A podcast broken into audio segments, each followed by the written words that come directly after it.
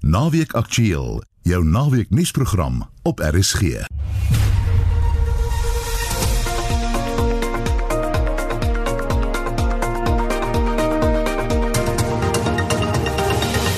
Goeiemiddag. In vandag se program, Eskom se bedryfshoof praat oor beurtkrag die winter. Lisensiekantore maak landwyd op 1 Junie oop vir rybewyse en motorlisensies.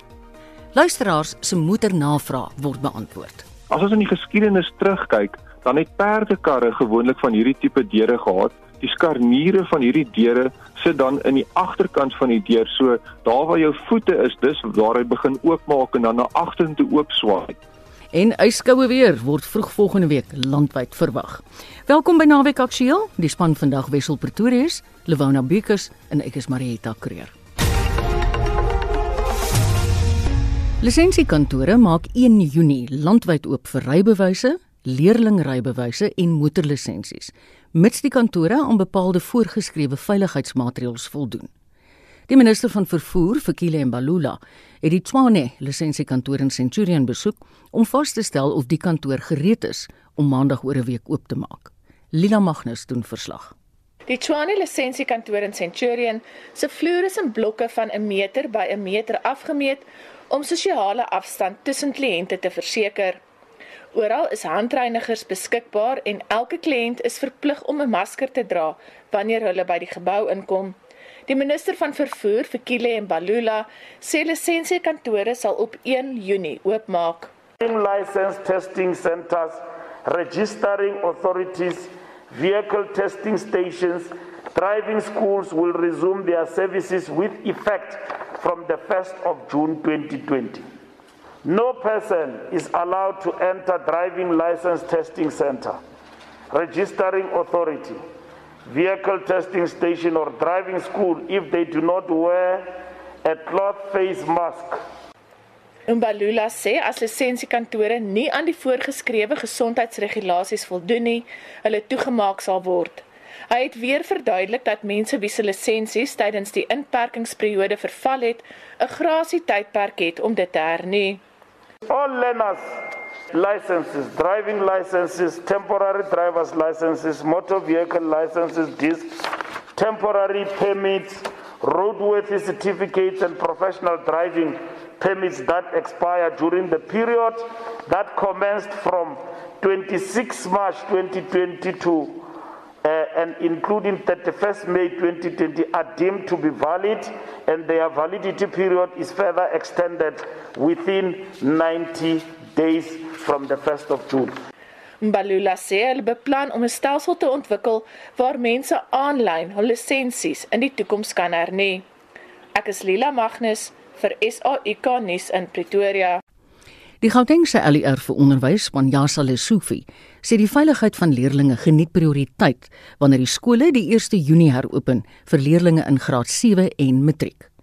Hy het die media donderdag toegespreek oor die provinsie se gereedheid om sowat 3000 leerders te verwelkom. Die bestuurshoof van die Federasie van Beheerliggame van Suid-Afrikaanse skole, FETSAS, Paul Kolditz, sluit nou by ons aan met sy reaksie. Goeiemôre Paul. Goeiemôre Marieta. Lesofie het nou gesê skole wat nie daarin kon slaag om die vereiste regulasies in te stel nie, mag nie leerders ontvang nie. Dink jy alle skole gaan gereed wees? Ehm um, dis baie moeilik om te sê. Al wat ek wel kan sê is dat die uh, Gauteng provinsie die provinsie is waar dit die maklikste gaan wees vir alle skole om wel te heropen. Uh Gauteng het uh, sedert die minister se aankondiging Dinsdag aand nogal baie moeite gedoen om dokumentasie en riglyne vir skole te publiseer te reël dat die persoonlike beskermende toerusting en basis afgelewer word by skole sodat vir maandag wanneer die onderwysers terugkeer daar voldoende voorraad sal wees en dan uiteindelik wanneer die kinders uh, op die 1 Junie begin aankom daar ook voldoende voorraad gaan wees. Uh, maar maar vir uh, die dis 'n dis 'n geweldige groot operasie mm. vir vir so 'n provinsie en uh, daar gaan verseker probleme wees met uh, implementering by by sommige skole. En ek dink hulle het 'n sinvolle benadering ook om te sê daar skole wat ons weet wat reg gaan wees Kom ons los hulle, laat hulle aangaan en ons fokus dan op die skole om hulp aan daardie skole waar die kapasiteit minder mm -hmm. uh, suksesvol is. Wat wat gebeur met die leerdlinge wat nou in skole is wat nie gereed is nie? Wel, hulle sal nie kan terug gaan skool toe nie, maar uh, en en dit is waar die departement dan vinnig sal moet inspring om daardie skole te help om wel slaggereed te wees om uh, met onderwys voort te gaan. Dit is daarom dit is daarom 'n beperkte getal kinders. Mm. Dis nie dis nie ons praat nie van 13 miljoen kinders wat een een klap sal terugkeer skool toe nie. Mm. Na die konferensie gister, is daar nog enige grys areas wat onduidelik is? Uh ja, nee, ek dink daar gaan maar altyd uh, grys areas wees wat onduidelik is. Ek meen meneer Lesofie het onder andere gesê kinders gaan 3 maal 'n dag getoets word. Dit is prakties net nie moontlik nie. Ja. Hy hy het ook gesê ouers is welkom om 1 Junie die skole te kom inspekteer. Dit gaan ook nie prakties moontlik wees nie. Ek meen jy kan nie toelaat dat waar kinders onder streng maatreëls moet uh, die skoolterrein betree dat ouers nou ook uh, mm. van al uh, uit alle rigtings kan op die skool neersak en gaan rondloop en inspekteer nie. Dit is prakties net nie haalbaar nie. Paul verskeie ouers en selfs leerders het aangedui dat hulle nie gemaklik voel met die heropening van die skole nie, maar dit gaan nou gebeur. Wat sou jy reken is die belangrikste ding wat 'n ou in gedagte moet hou wanneer die skooljaar hervat? Kyk, ek dink van vanuit 'n ouer se oogpunt, uh maak seker jou kind is gesond voor die kind die huis verlaat. Uh neem self koers as dit moontlik is. Uh sorg dat die kind se hande gewas is, sorg dat die kind se hande gesaniteer is, sorg dat die kind verstaan wat uh die handhawing van fisiese afstand beteken. Uh so berei die kind voor om uh, en dit gaan makliker wees dink ek daarom by die graad 12 as by die graad 7. Mm. Maar maar berei die kind maak seker die kind is uh, is gesond wanneer die kind die huis verlaat as die kind simptome van enige vorm van siekte toon of onderliggende siekte toestande het laat weet vir die skool daarvan en uh, tref dan reëlings met die skool dat uh, die kind tuis uh, of afstandsonderrig ontvang. Uh sorg dat die kind uh, getoets word uh uit die ouers se oogpunt uh dat die kind getoets word vir moontlike uh, koronavirus infeksie of vir watter ander onderliggende siekte daar ook al is. En uh, tref dan ook 'n reëling as die kind wel siekte simptome toon ehm um, dat die kind nie sal skool toe gaan nie, maar dat skoolwerk na die skool na die kind ja. bestuur sal word. Mm. Baie baie dankie. Ek is seker ons gaan nog baie met jou in die nabye toekoms praat. Dit was die bestuurshoof vir die Federasie van Beheerliggame van Suid-Afrikaanse skole, Paul Golditz. Dit dan 'n onderhoud wat ons gister met Paul gevoer het in Spectrum. Die kragverskaffer Eskom verwag 3 dae se beurtkrag die winter. Vir meer hieroor praat ons nou met Eskom se bedryfshoof Jan Oberholzer. Hallo Jan. Rita, van my. Goed en jy? Ja, goed, dankie. Onder die omstandighede druk ons maar deur. Ja, jy's reg. Hoe lyk julle nuwe projeksie Jan en op watter vlak vir hierdie winter teenoor julle verwagting voor die inperking? Ja, Marita, um, voor die inperking was dit nie baie goeie uitsig nie. Ons het uh, omtrent 31 dae van beerkrag voorsien in die wintermaande tot en met einde Augustus. Maar ons is baie bevoorreg. Dit is positief en negatief. Ehm um, met die inperking het ons kans gehad om korttermyn kritiese onderhoud te doen. So die laaste 8 weke het ons regtig baie van hierdie tipe onderhoud gedoen. En so 10 dae terug, miskien 8 dae terug het ons weer eens 'n model gehad en gekyk na die vooruitskatting in terme van aanvraag. En op hierdie stadium blyk dit maar ek moet sê is 'n 80% ek sou sê 'n uh, moontlikheid is daar net 3 dae wat ons voorsien in die wintermaande met weer en dis plak 1 een wat net plak 1 Ek aanvaar dis nou gewoon omdat daar nie baie elektrisiteit was in die tyd wat verby is nie en aanvraag nie. Ja, maar dit is reg. Jy weet ons uh, gewone aanvraag op piektyd hierdie tyd van die jaar was hier so oor die 30000 megawatt.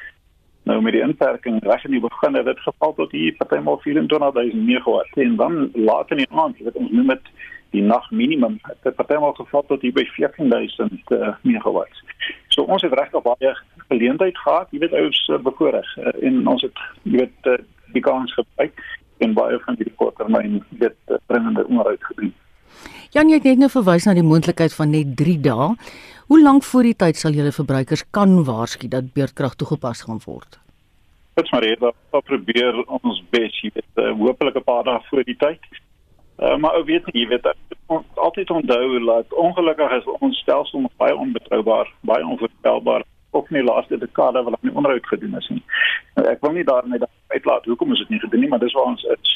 So ons stelsel is nog baie onbetroubaar en onvoorspelbaar en ons het tyd nodig om dit regtig oordentlike onderhoud te doen. En dit moet ons ongelukkig nou uitskryf, maar dis nie dis nie negatief, maar die positief wat ons vir die korttermyn onderhoud gedoen. So hierdie langtermyn onderhoud moet nog plaasvind. Ek wil jou juist vra, die langer termyn, daar was uh, geluide en gerugte van Medupi in hierdie tyd. Kan jy vir ons 'n bietjie meer inligting gee? Waar kon julle onderhoud doen en waar moes julle uitstel?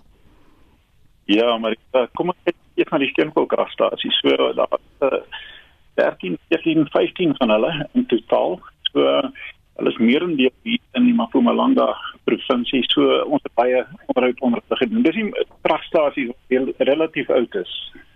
Nou as jy kyk na Medupi en Kusile, ons het wel Medupi uh eenheid nommer 3 uh onderhoud gedoen en waar ook die modifikasies, die eerste modifikasies geïmplementeer het.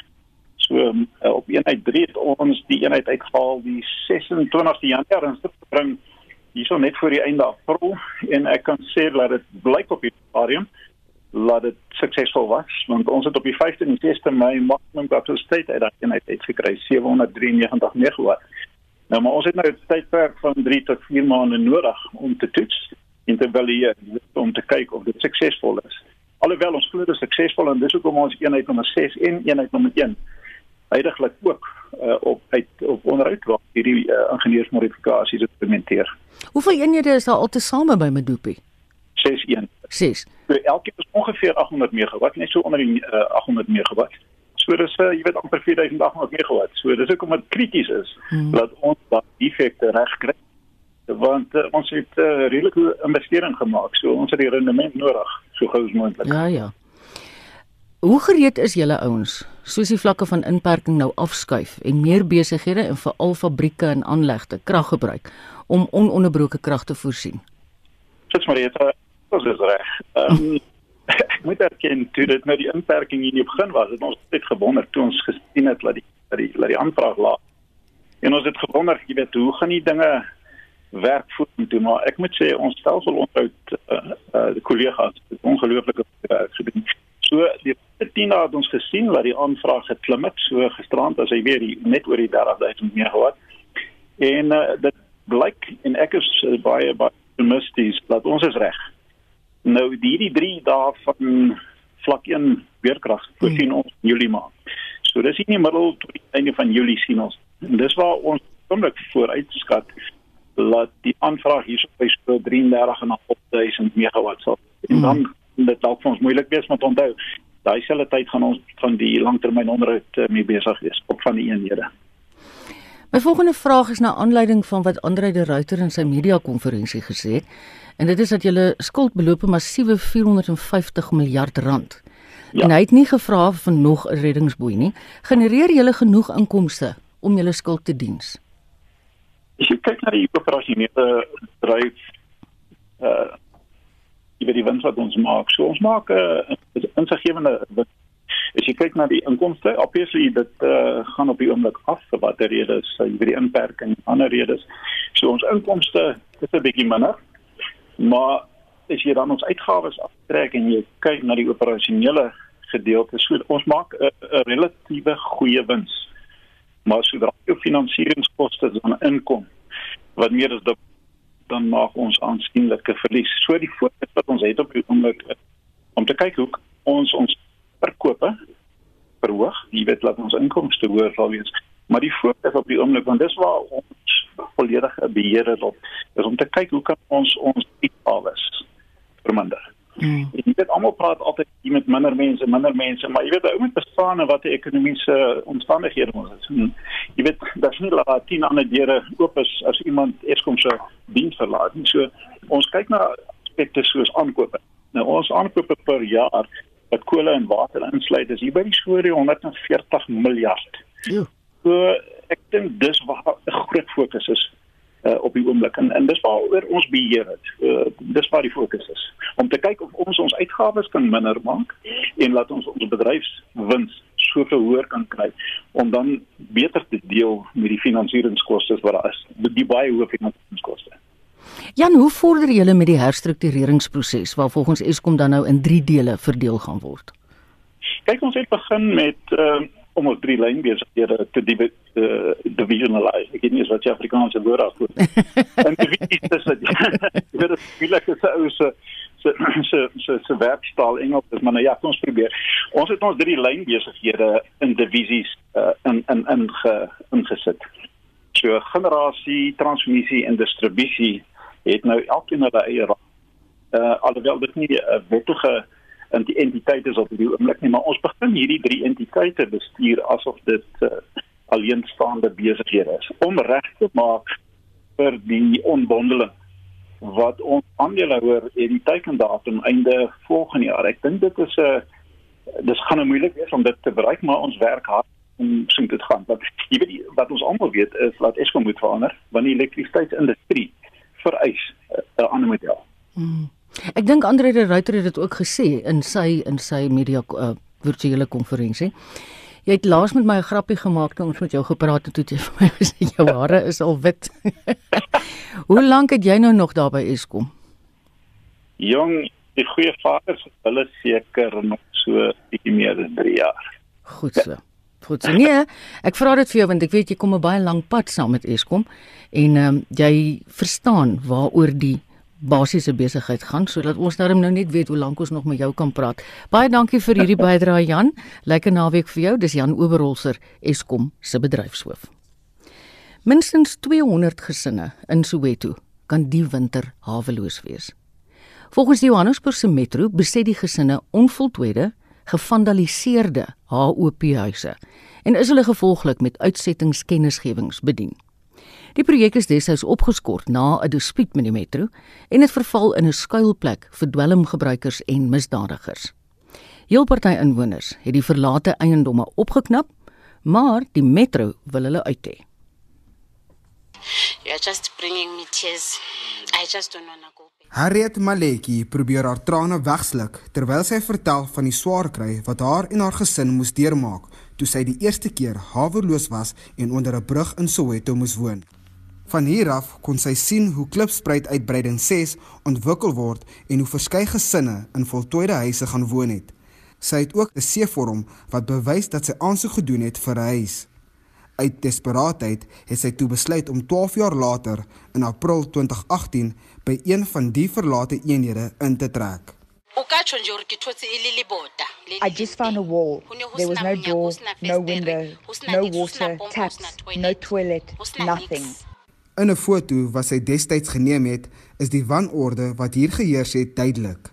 Vensters is gebreek en daar is gate in die mure waar waterpype vroeër gesteel is. Die baddens is beskadig en die gras is lank en kondome is plek plek sigbaar. Sy wys die vinger na die regering. The state has failed me dismally. When this government came into power, they promised to build us houses and that we must apply. I have a 1996 C form. It is now 2020. Instead, the houses that we're supposed to get are occupied by people from outside. Others use them to do business and rent them out. There's no order at the housing department. Haar buurman het 'n soortgelyke eenheid beset. Dis nou netjies en omheind met aluminium vensterrame. Hy het ook voor die inperkingsperiode 'n kennisgewing ontvang. Well, honestly speaking, I'm clueless what am I going to do? We'll have to wait and see what's happening. Well, if they evict us, they that plan would see. Albei inwoners weet dat hulle die wet oortree, maar na 20 jaar van wag is die besetting van die eiendom 'n laaste uitweg. Die Johannesburg Metro se woordvoerder, Ntatisi Modingwane, was onwillig om te reageer op navrae oor die kwessie. The city is not in a position to respond to the claim made by these individuals at this point since the matter is still before the courts. Intussen is die winter op pad en inwoners hier kan net wag om te hoor wat hulle lot gaan wees. Hierdie verslag deur Tsepo Pagani. Ek is Vincent Mofokeng vir SAI Garnis. Jy is ingeskakel op RSG, dis die program Naweek Aktueel en ons is op pad na 23 minute oor 12. Daar's net 'n week oor voordat die amnestie eindig vir Suid-Afrikaners wie se vuurwapenlisensies verval het.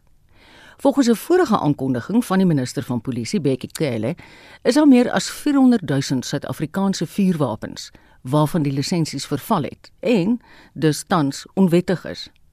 Met die COVID-19 inperking wonder baie luisteraars wat hulle nou te doen is staan. Vir meer hieroor praat ons nou met die Vryheidsfront Plus se leier Pieter Groenewald, maar vandag in sy hoedanigheid as lid van die nasionale vergadering se portefeulje komitee vir polisie. Goeiemôre Pieter. Goeiemôre Marieta. Kan die regering besluit om die vuurwapen amnestie tyd te verleng? Hoe waarskynlik is dit? Wel, ons kan sê ja, die regering kan dit besluit, eintlik die minister en die minister het reeds aangekondig en gesê hy gaan aansoek doen, maar die proses is dat die minister alleen kan nie besluit om die amnestieperiode te verleng nie. Die proses is dat hy moet 'n versoek rig aan die parlement en die spreker verwys dit dan na die portefeulje komitee van polisie wat dan moet besluit of daar 'n amnestieperiode kan wees en vir hoe lank. En as dit dan goedgekeur word by die portefeulje komitee, dan gaan dit terug na die parlement se nasionale vergadering wat dit dan moet goedkeur. So dit is 'n proses. So ons moet vir ons luisteraars sê op 31 Mei hierdie maand verval die uh, amnestieperiode wat begin het op 1 Desember hmm. en dan sal die proses van vooraf gedoen moet word so daar gaan 'n nuwe amnestieperiode wel gestel word want die minister het reeds aangedui dat hy gaan wel aansoek doen vir so 'n verlenging. Maar soos jy sê, dis nog al 'n proses, so dit kan 'n tydjie duur. Inderdaad. Ons het wel gister byvoorbeeld 'n uh, portefeulje komitee vergadering gehad. So die parlement se funksionering begin meer en meer plaasvind. Die komitee sit al 'n rukkie. Ons het nou komende Dinsdag het ons die eerste sitting van die nasionale vergadering hmm. wat 'n vrae en antwoorde sessie gaan wees, maar jy's heeltemal korrek, dit gaan ongelukkige proses wees en 'n tydjie vat. Ek gaan van my vrae vra asof ek in die skoene is van 'n luisteraar wat nou 'n probleem het byvoorbeeld. Sê net maar ek het aansoek gedoen vir die hernuwing van my vuurwapenlisensie of ek wou in die tyd van die inperking. Wat gaan nou met my gebeur en verskil hierdie proses? As my vuurwapens lisensie reeds verval het van die proses as dit binnekort gaan verval. Marieta, ja, dit verskil. Kom ons sê eerstens, die wet bepaal dat jy moet minstens 90 dae voordat jou lisensie verval, moet jy aansoek doen vir 'n hernuwing van 'n lisensie. Met ander woorde, jy moenie wag tot hy verval het nie. Jy moet 90 dae voordat hy verval aansoek doen. Kom ons vat jou voorbeelde as jy byvoorbeeld nou wou aansoek doen in hierdie amnestieperiode en dit was steeds 90 dae voordat die lisensie sou verval het, is daar uitstel gegee dat na die inperking sal jy wel kan aansoek doen vir 'n hernuwing van jou lisensie en jy sal nie gepenaliseer word omdat dit nou minder as 90 dae is hmm. voor die vervaldatum nie. Hmm. So jy sal dan kan aansoek doen. Wat daar wel 'n probleem is, is as jou lisensie reeds verval het en jy doen nou aansoek. En dis waaroor die groot debat gaan. Onder andere ook oor die amnestie. Nou wil ek sê dat tegnies volgens die wet kan jy dan nie meer aansoek doen nie en as jou lisensie verval het, is jy tegnies in terme van die wet onwettig in besit van 'n vuurwapen want hy is nie gelisensieer nie. Maar daar was verskillende hofsaake daaroor daar was Julie maand in 2018 byvoorbeeld was daar 'n hofsaak van uh, Gun Owners South Africa Gosa en die uitspraak van die hof was dat in so 'n geval behou jy nog steeds jou lisensie of jou vuurwapen en daar word nou gewag om te kyk wat gaan die finale uitspraak wees. Ek weet ook die polisie het juis gister appel aangeteken en die appelsaak het voorgekom gister en ons wag nou vir die uitspraak van die hof. Tegnies is jou vuurwapen dan onwettig, maar as gevolg van die hofuitspraak van 2018 mag jy hom nog by jou hou en by aanvis aan die mense is om wel aansoek te gaan doen in terme van hernuwing van jou lisensie. Die inperkingsperiode sê die minister jy kan nou in die inperkingsperiode gaan ag ek sê die inperkingsperiode in die amnestieperiode mm, mm, mm in die amnestieperiode kan jy gaan aansoek doen vir hernuwing van jou lisensie, maar dan moet jy jou wapen inhandig by die polisiestasie. En daar's baie vuurwapen eienaars wat dit nie graag wil doen nie, want as ons sien wat gebeur met byvoorbeeld vuurwapens wat deur die polisie onwettig versprei word, sê hulle dit is onveilig. Hmm. Moet ek dan ook my bevoegdheidssertifikaat hernie, Pieter? Die bevoegdheidssertifikaat het twee tegniese aspekte. Jy kry byvoorbeeld dit word gekoppel aan afhangende van watter tipe van vuurwapen jy het en wat se lisensie jy het. As ons byvoorbeeld vat as jy 'n vuurwapen het vir selfverdediging, dit is gewoonlik 'n handwapen soos 'n pistool of 'n revolver. Daardie lisensie is 5 jaar. As dit al wapen is wat jy het, dan moet jy as daardie 5 jaar verstryk, dan moet jy ook aansoek doen vir 'n hernuwing van jou bevoegdheidssertifikaat, want dan is jou bevoegdheidssertifikaat vir dieselfde periode van die lisensie van die vuurwapen, mm. naamlik 5 jaar. Maar as jy byvoorbeeld 'n vuurwapen het vir selfverdediging, 'n handwapen en ook 'n jaggeweer, uh jou jaggeweer se lisensie verval eers na 10 jaar. En natuurlik moet jy dan ook 'n bevoegdheidssertifikaat hê. In so 'n geval waar jou handwapen se lisensie verval na 5 jaar, maar jou jaggeweersinne is nog 10 jaar, dan hoef jy nie vir jou handwapen aansoek te doen vir jou bevoegdheidssertifikaat nie, want hy is dan 10 jaar geldig afhangende van watter vuurwapen jy het, hmm. wie se lisensietydperk die langste is. Dis baie interessant. So jou advies aan luisteraars as ek moet aflei aan jou antwoorde sou wees, hulle moet nou maar nogtans gaan vra vir hernuwing van hulle lisensie. Dit sal my advies wees en ons sal nou kyk wat gebeur met die appelhofsaak. Kan ek dit se vir ons luisteraars sê? Want daar is baie mense wat sien weer agtergeraak en ek neem nogal die minister kwaliek wat wilde uitsprake maak wat sê as jy nou nie in die amnestieperiode aansoek gedoen het vir hernuwing nie, dan gaan hy jou kom arresteer. Dis onwaar. Hy mag nie want daar is die hofsaak van Gosa en ek is oortuig daarvan dat die appelhof ongeag wat hy gaan besluit sal nie kan sê jy's onwit onmiddellik onwettig in besit van 'n vuurwapen nie. Minstens sal die hof dan na vore tree om te gaan sê hier word 'n periode en 'n geleentheid gegee om die saak reg te maak. Laastens kan ek net sê 'n amnestieperiode is eintlik bedoel vir misdadigers om hulle vuurwapens te gaan inhandig sodat daar minder misdaad plaasvind. Dit is 'n mite. Dit bestaan nie. Ons het nou ons derde amnestieperiode en ek het 'n vraag in die portefeulje komitee aan die minister gevra. Al die vorige amnestieperiode was daar enige misdadiger wat so vuurwapen ingehandig was en sy antwoord was nie een enkele vuurwapen van 'n misdadiger was ingehandig nie. Dit was 'n ronde nul. Mm, mm, mm. Hoekom dink jy Pieter, het die regering besluit om hierdie streng maatreëls ten opsigte van vuurwapenlisensies toe te pas? Dink jy dit gaan misdaad beperk?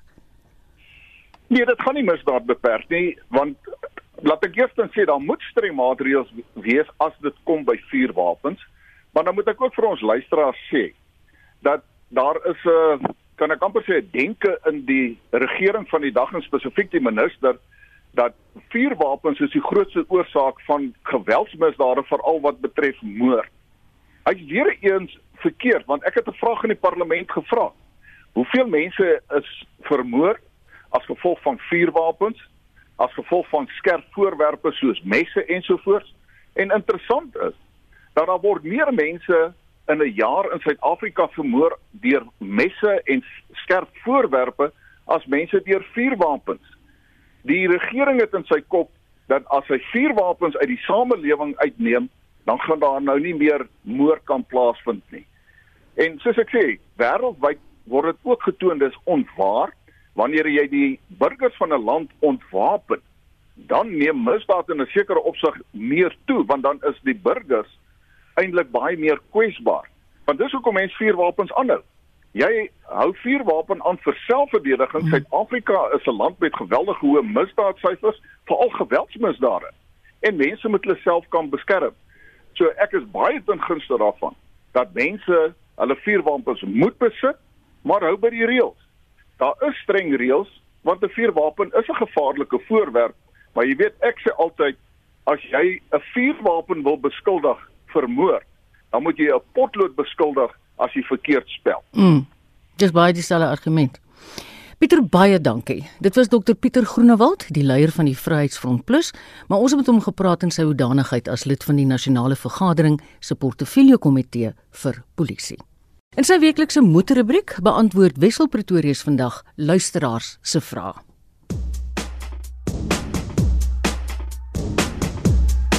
'n Luisteraar wat verkies om anoniem te bly, skryf dat haar voertuig se battery in die Kaap vir 5 jaar gehou het. Nou bly sy in 'n klein dorpie waar sy 'n ander tipe battery gekoop het, maar die het net 'n jaar en 'n half gehou. Hoe so wil sy weet? En hoe lank is die waarborg van batterye en is ek geregtig op 'n vervanging? vra sy. Nicolou, die tegniese konsultant by Kaarttydskrif en die besigheidsontwikkelingsbestuurder by SVU Gepantserde Voertuie, antwoord. Wessel die battery waarborg is tipies 1 jaar. Uh daar is batterye wat baie keer verkoop word met 'n 2 jaar waarborg, maar dit is skaars. Maar ek kan sê dat 'n battery word ontwikkel om te kan hou vir tussen 3 en 5 jaar as aan 'n mooi na gekyk word. Nou, dit kan wees dat uh, die dame se reisiklus het verander want sy het getrek, miskien ry sy baie kort afstande. Mens moet ook kyk, het daai battery miskien leeg geloop of heeltemal pap geraak 'n paar keer. Dis natuurlik skadelik vir 'n battery. En ook is die battery is hy heeltyd skoon gehou of is hy mooi na gekyk? Baie keer is daar ehm um, aanpaksels op die battery self vorm in sy bokant wat nie afgevee word nie kan ons halfe kortsluiting daar plaasvind en dan ook die battery se leeftyd verkort. Maar dit is snaaks dat die een battery vir 5 jaar gehou, die volgende net 'n jaar en 'n half en en as die siklus en alles dieselfde was, dan is dit onwaarskynlik dat dit moet gebeur. Ehm uh, ongelukkig sou ek dink dis net 'n jaar waarborg, so dit sal ongelukkig vir haar eie sak wees. Ehm um, wat ek ook kan sê is die batteryvervaardigers, die batterye wat op die rak staan in die winkels as jy een gaan koop, mag net vir 3 maande op die rak staan, dan gaan hulle terug na die vervaardiger om daai battery te kondisioneer dat dit weer in 'n nuwe toestand is. So moenie dink dat die battery wat jy gaan koop is al 'n ou een gewees nie. Hy sal net te 3 maande op die rak mag bly. Dan skryf Jan de Bruin Ek het probleme met my bakkie opgetel met betrekking tot die sekering van die flikkerligte asook die noodflikkerligte wat aan mekaar uitbrand en ingee sodra ek die flikkerligte gebruik. 'n Partykeer gebeur dit nie onmiddellik nie, maar na 'n tydjie skryf hy en hy vra, "Hoe kan ek die opsporing van 'n kortsluiting benader en hoe of waar begin ek om die probleem op te spoor en te elimineer?" Dit klink definitief soos 'n kortsluiting wat daar gebeur en dis hoekom daai smeltdrade of sekeringe dan nou uitbrand. En nou net 'n bietjie agtergrond natuurlik jou flikker uh, stelsel die bane daar's een baan vir die linkerkant en een baan vir die regterkant. Dis natuurlik om links en regs te draai. En dan jou jou noodflikkerlig koppel daai twee bane aan mekaar en dis hoekom al jou ligte dan gelyk flikker. En uh, daar's natuurlik die flikker eenheid wat ook dan aan en afskakel om vir jou dan die flikkerende ligte te gee. So die krag gaan eers soontoe en dan na die linkerkant of regterkant se baan of dan na al twee bane afhangende van wat jou uh, keuse dan nou sou wees So in die geval is daar definitief 'n kortsluiting ergens. Ergens gaan die ehm um, krag dra direk na die grond toe sonder om deur die die gloeilamp te gaan. So iets wat 'n mens kan probeer is ek sou sê haal al die flikkerligte uit en al die gloeilampe uit elke flikkerlig uit en dan vat jy jou multimeter wat kontinuïteit toets en dan gaan jy na die die positiewe of die 12 volt kant waar hy op die gloeilamp se raak is gewoonlik in die middel agter en jy jy kyk vir kontinuïteit van daar af tot op grond tot op die bakwerk. En daar behoort natuurlik nie kontinuïteit te wees nie want die die krag moenie direk op die op die grond op die bak van die voertuig kan wees nie. En as jy al die gloeilampe uitgedraai het dan het jy natuurlik 'n klomp oop bane so dit behoort makliker te wees om dan te kan elimineer waar kom die kortsluiting vandaan So as hy gelukkig is, dan gaan hy op 'n hoek kom en hy gaan die die kontinuïteit kry tussen die kragdraad, die 12 volt en die bakwerk en weet die probleem lê elders op daai draad en dan is dit nou net 'n kwessie van volg die draad waar hy gaan. Ek sal aanneem dat is die isolasiemateriaal deurgeskuur en 'n kragdraad raak elders aan die bakwerk. Nicole, hier's 'n interessante een. Martin van Ceres skryf: Ek het op 3 jarige ouderdom uit my pa se 1938 Ford geval toe ek in die ry die deur oopgemaak het en ek het op die teerpad geval teen 60 myl per uur. Nou dis omtrent 97 km per uur vandag.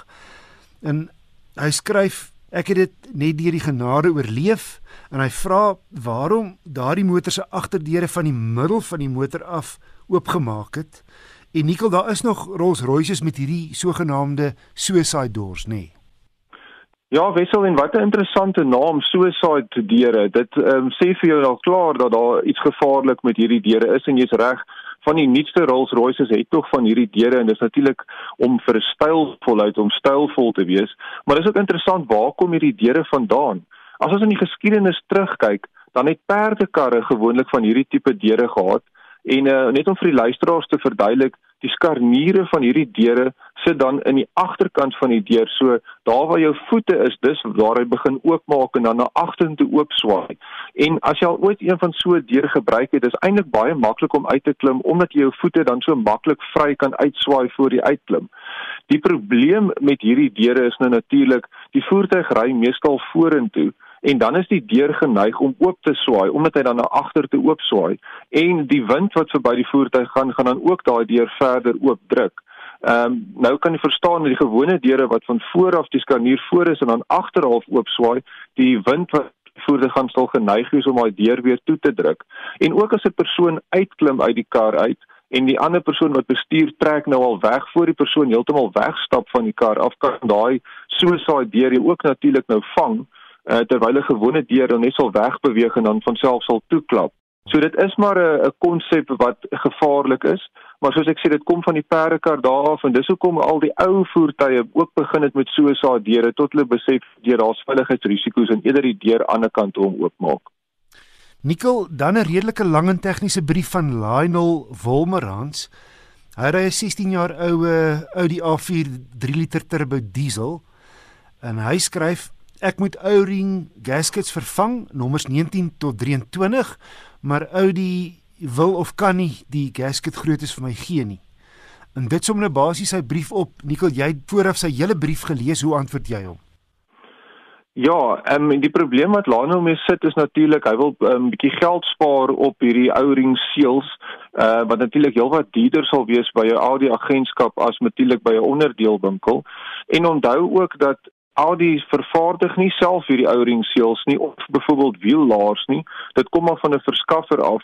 So dis hoekom dit baie keer goedkoper is as jy moet wiellaars koop of van hierdie seals om dan na uh, 'n uh, spesialis verskaffer toe te gaan om hierdie parte dan aan te koop omdat jy heelwat geld kan spaar. Natuurlik as jy na die Audi agentskap toe gaan, sal hulle vir jou die presiese regte part kan gee en die kwaliteit van daai part sal gewaarborg wees. Jy gaan bietjie meer betaal. Maar uh, gewoonlik sal die persoon wat die parte by byvoorbeeld Audi verkoop nie weet wat die grootte is van daai seël nie omdat dit op 'n partnommer is en hulle nie regtig met die regte groottes werk nie. In die geval is dit nou jammer dat Lyle nie een van die ouring seals as 'n voorbeeld het nie. Hy noem ook in die brief dat hy nie die die voertuig nou die enjin wil uitmekaar maak om een van die seals te kry en dan te gaan soek nie want dan kan hy natuurlik nie ry nie. Hy wil graag die seals in sy hand hê. So in, in daai opsig sal hy miskien beter wees om na al die spesialiste toe te gaan wat gereeld op daai tipe voertuie werk en miskien is hy gelukkig dat daarvan daai seels rond lê in die, in die werkswinkel of die persoon weet presies wat se seel dit is en dan kan hy miskien een as 'n voorbeeld vat na een van hierdie onderdeel um, handelaars wat dan nou laars, wiellaars en van hierdie seels verkoop dat hy presies kan kyk dat hy die regte seel het want hulle sal as hulle 'n voorbeeld het sal hulle vir jou die regte seel kan verskaf en 10 teen 1 sal mense heelwat geld spaar teenoor om dit by die vervaardiger te kry. So antwoord Nicolou, die tegniese konsultant by Car en die besigheidsontwikkelingsbestuurder by SVU Gepantserde Voertuie. Stuur gerus motornavrae na my deur te e-pos na wissel@rsg.co.za. En nou 'n onderwerp wat ons almal raak. Bibbeweer gaan vroeg volgende week landwyd toeslaan. Vir meer hieroor praat ons met Wayne Venter, 'n voorspeller by die Suid-Afrikaanse Weerdienste. Goeiemôre Wayne. Goeiemiddag en goeiemiddag aan aan al die luisteraars. Die koue front word nou maandag in die suide verwag. Presies hoe koud gaan dit wees en gaan daar erge reën in die Kaap verwag word? Ja, dit is die front wat nou vroeg maandagooggend die Weskaap bereik en ons wag redelike goeie reënneerslae van 20 tot 30 mm veral in die bergagtige gebiede van die Weskaap. Ehm um, en dan het ons ook 'n 'n weerwaak uit op die oomblik vir moontlike oorstromings oor die Kaapse metropool. Ehm um, dit is dan 'n maandag gedurende die dag.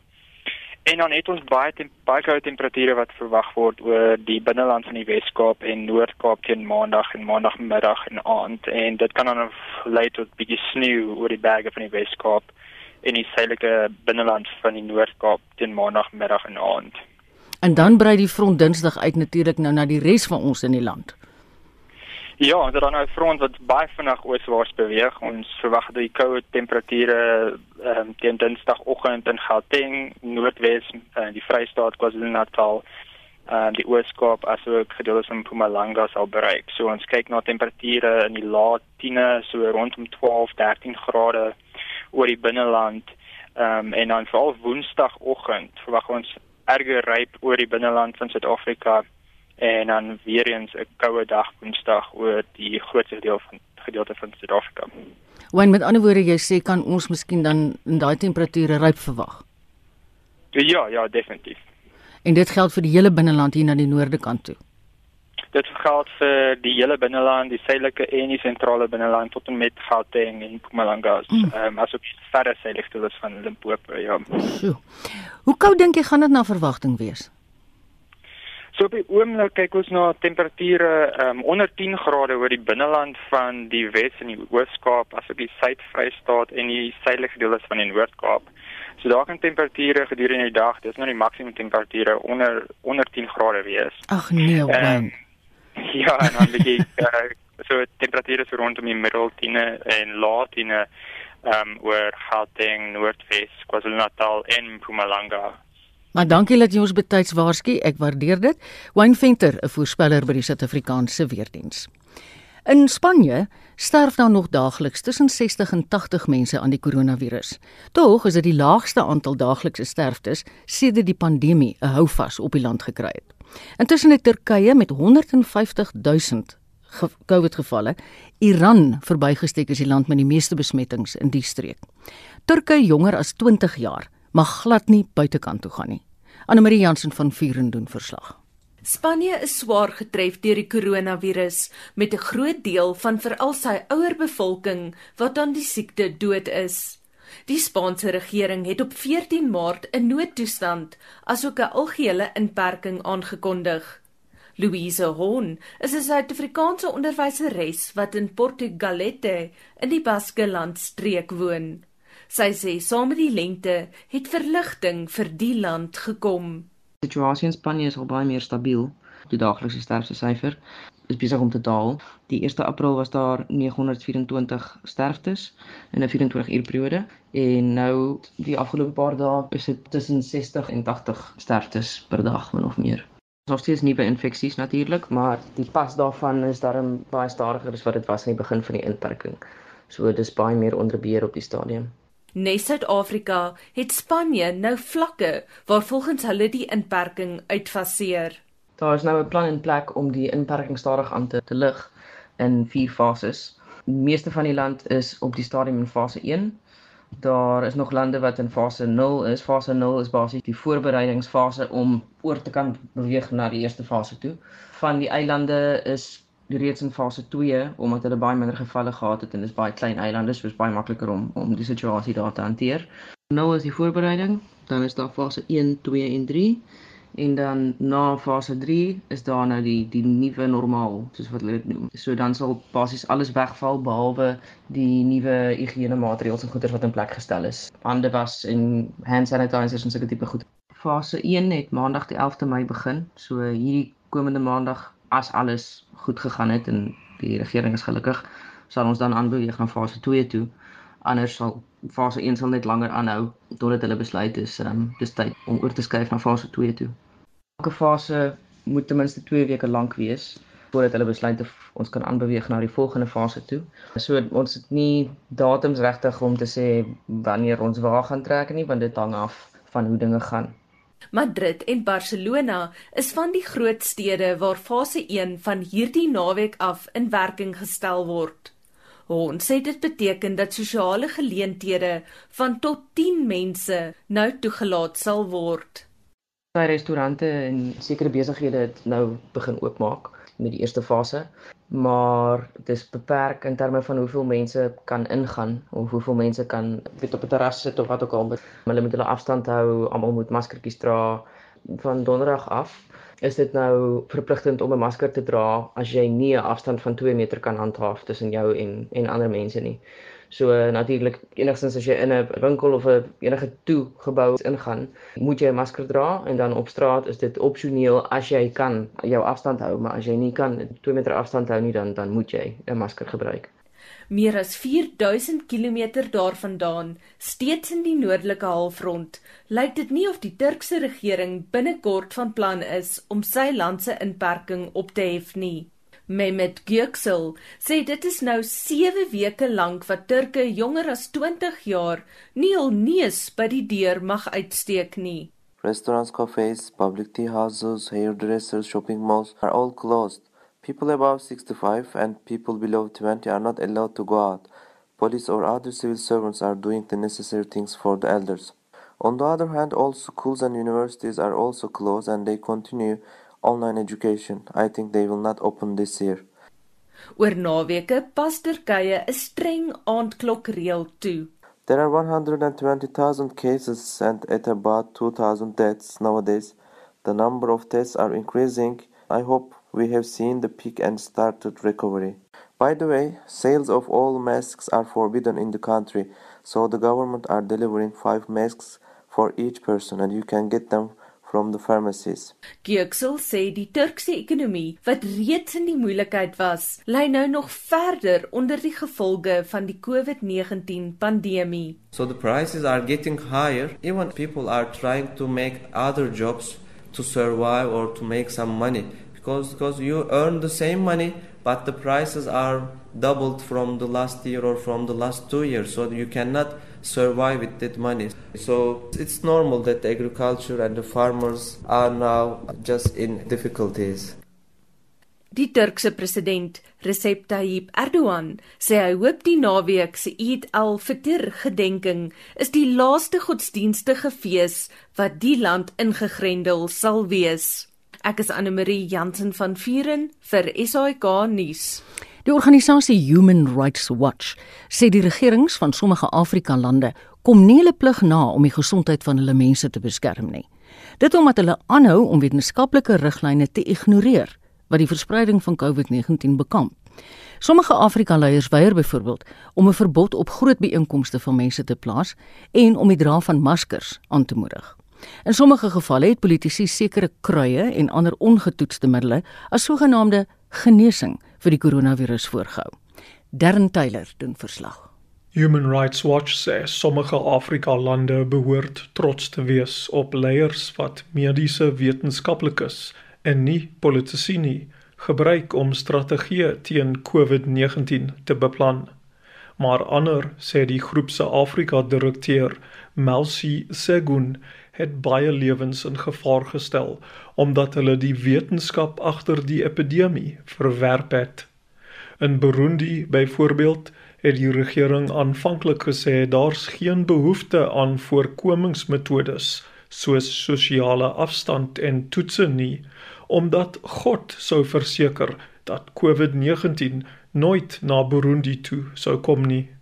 Maar sê Segun wanneer mense daar begin siek word het, As gevolg van die virus was die owerhede se reaksie om selfs meer menseregte skendings te pleeg. The response of the government was to haul hundreds of those confirmed to be infected into detention facilities with you know really squalid unsanitary and unhealthy conditions. Sy sê Tanzanië se regering het ook min gedoen om infeksies te voorkom. Refused to shut its borders and also exempted religious gatherings from the restriction on public gatherings, again endangering the health and safety of people. President John Magufuli het geweier om plekke van aanbidding toe te maak.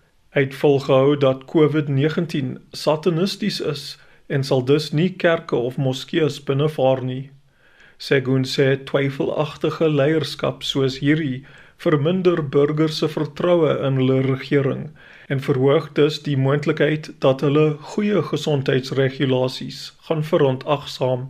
Sy sê Mosambiek is nog 'n land waar swak besluite geneem is. Mozambique has banned public gatherings, it's shut down schools, but bars and nightclubs still operate. I mean, some of these things just really make no sense. Segun sê korrupsie is nog 'n skending wat hoogty vier in sommige plekke waar grendelstate in plek is. Sommige mense reis en beweeg net soos hulle altyd gedoen het omdat hulle die kontant het om soldate en die polisie om te koop. You are punishing the poor for being poor. Because it's only the poor man who gets to a, a checkpoint or runs into the police and does not have a way to pay up that would get beaten, that would get arrested. Sommige van Afrika se rykes het fondse gevestig om mense te help wat weens die pandemie swaar kry. Die probleem, volgens Segun, is dat die geld deur regerings beheer word. It is not reaching the poorest of the poor. And when individuals have taken it upon themselves to provide these services directly to individuals, some of them are getting arrested. So people are taking it Sy sê noodhulp word reg oor Afrika verpolitiseer, insluitende in Uganda. President Museveni said that politicians who distribute food to starving Ugandans during the lockdown would face charges of attempted murder. That is beyond shocking. Segun sê sommige regerings wil al die krediet vat vir die verlening van noodhulp en gebruik die tragedie as 'n politieke wapen. So this is where the face-off is going to happen. It's going to happen between those who know what should be done and are seen and have evidence that the, the, right thing isn't being done. And then they come into this kind of confrontations with government, and the result of what we would see would be abuses. And in turn, the abuses would trigger more restiveness. Human Rights Watch sê dis nie toevallig dat regerings wat deur politici met goeie reputasies vir leierskap beheer word oor die algemeen die beste teen COVID-19 vaar nie. Ek is Darren Taylor in Johannesburg. En dit was dan naweek aktueel op Saterdag 23 Mei 2020. Ek groet Hendrik Martin is ons waarnemende uitvoerende regisseur vandag se redakteur Wessel Pretorius. Lewona Bekers het gesorg dat ons op en af van die lug af is. Ek Marieta Kreer geniet die naweek saam met RSG.